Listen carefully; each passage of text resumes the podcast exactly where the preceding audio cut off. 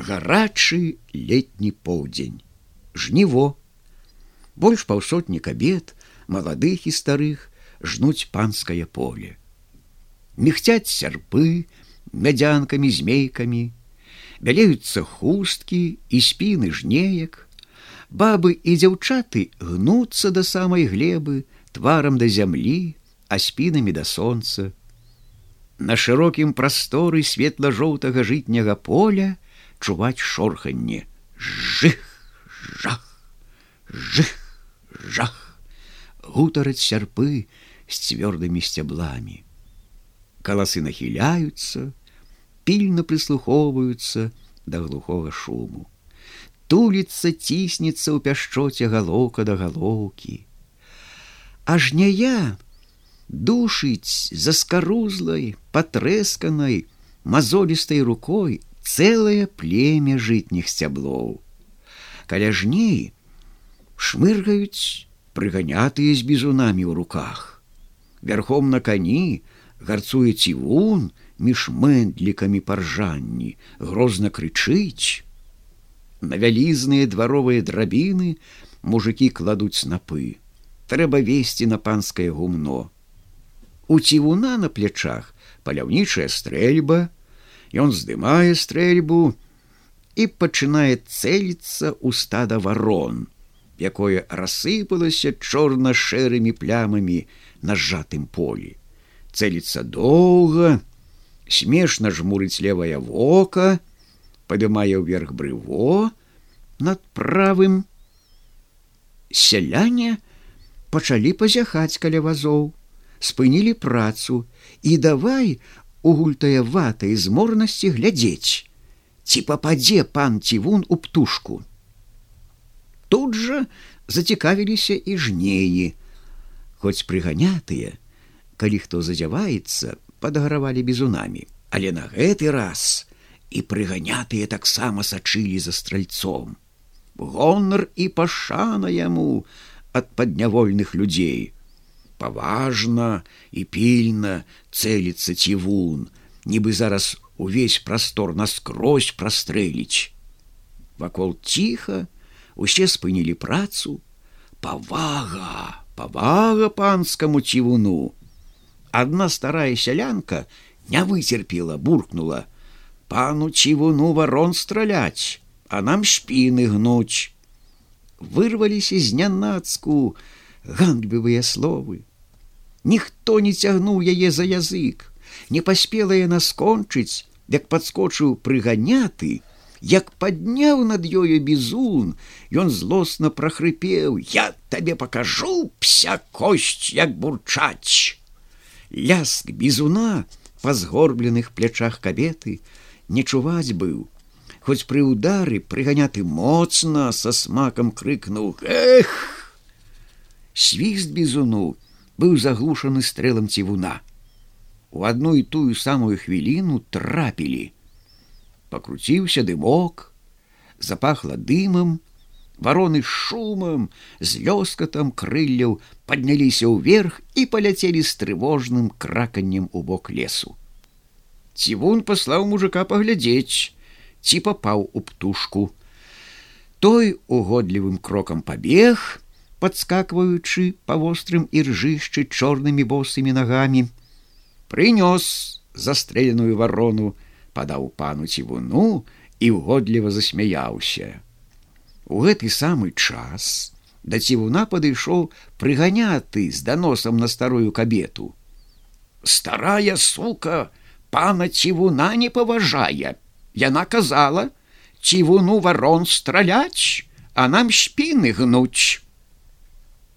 Не паспела сысці з твару цівуна усмешка задаволенасці ад удачнай страляніны, як твар наліўся крывёй, вочы заблішчэлі, як! Во гэта падла старая будзе гаварыць, я ёй пакажу. Палажыць ёй за пазуху мёртвую варону. Няхай трымае да самага вечара. Эй ты галган звярнуўся ён да мужика дай яму цівун паказаў на прыганятага варону прыганяты ўзяў з рук мужика варону і панёс з рогатам да старой бабы. За ім на кані пад'ехаў і цівун. Старая кабета з лямантам выццём кінулася цівуну ў ногі. Яна крыжам распласталася на ржышчы чуць не пад самыя ногі коня і выла немым голасам. Ледзь можна было ў гэтых прыдушаных галашэннях пазнаць словы даруй, паночку, даруй.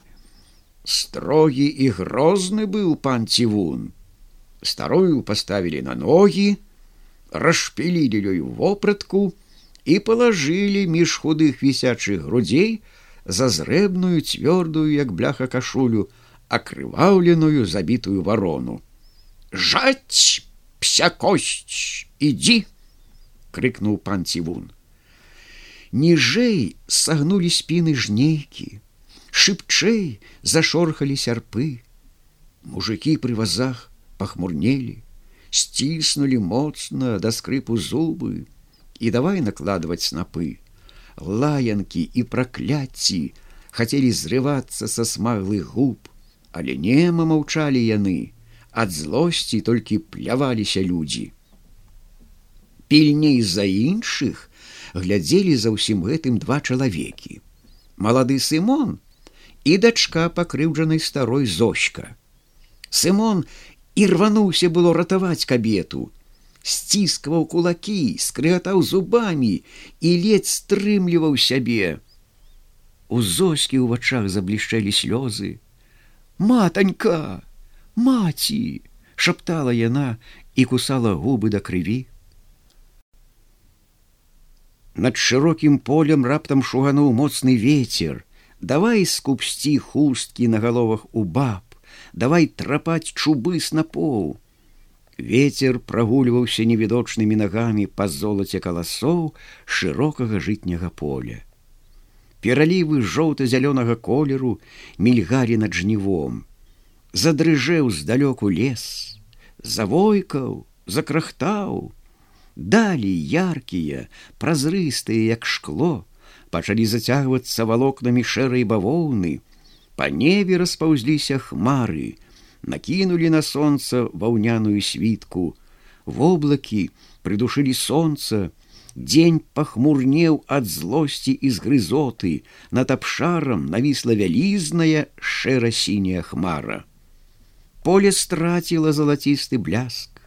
Брудна-шэры колер вісеў над людзьмі. Дзесьці далёка за лесам глуха загрукаталі грымоты нехта малаціў жалезнымі цапамі по жалезным таку. Яшчэ больш пацямнела, лес набух, як вялізная губка, наліўся сінім атрамантам, птушки паднялі крык. Жнеем загадалі збіраць напы ў мэндлікі. Рухава запрацавалі прыгонныя, панскае добро можа сапсавацца.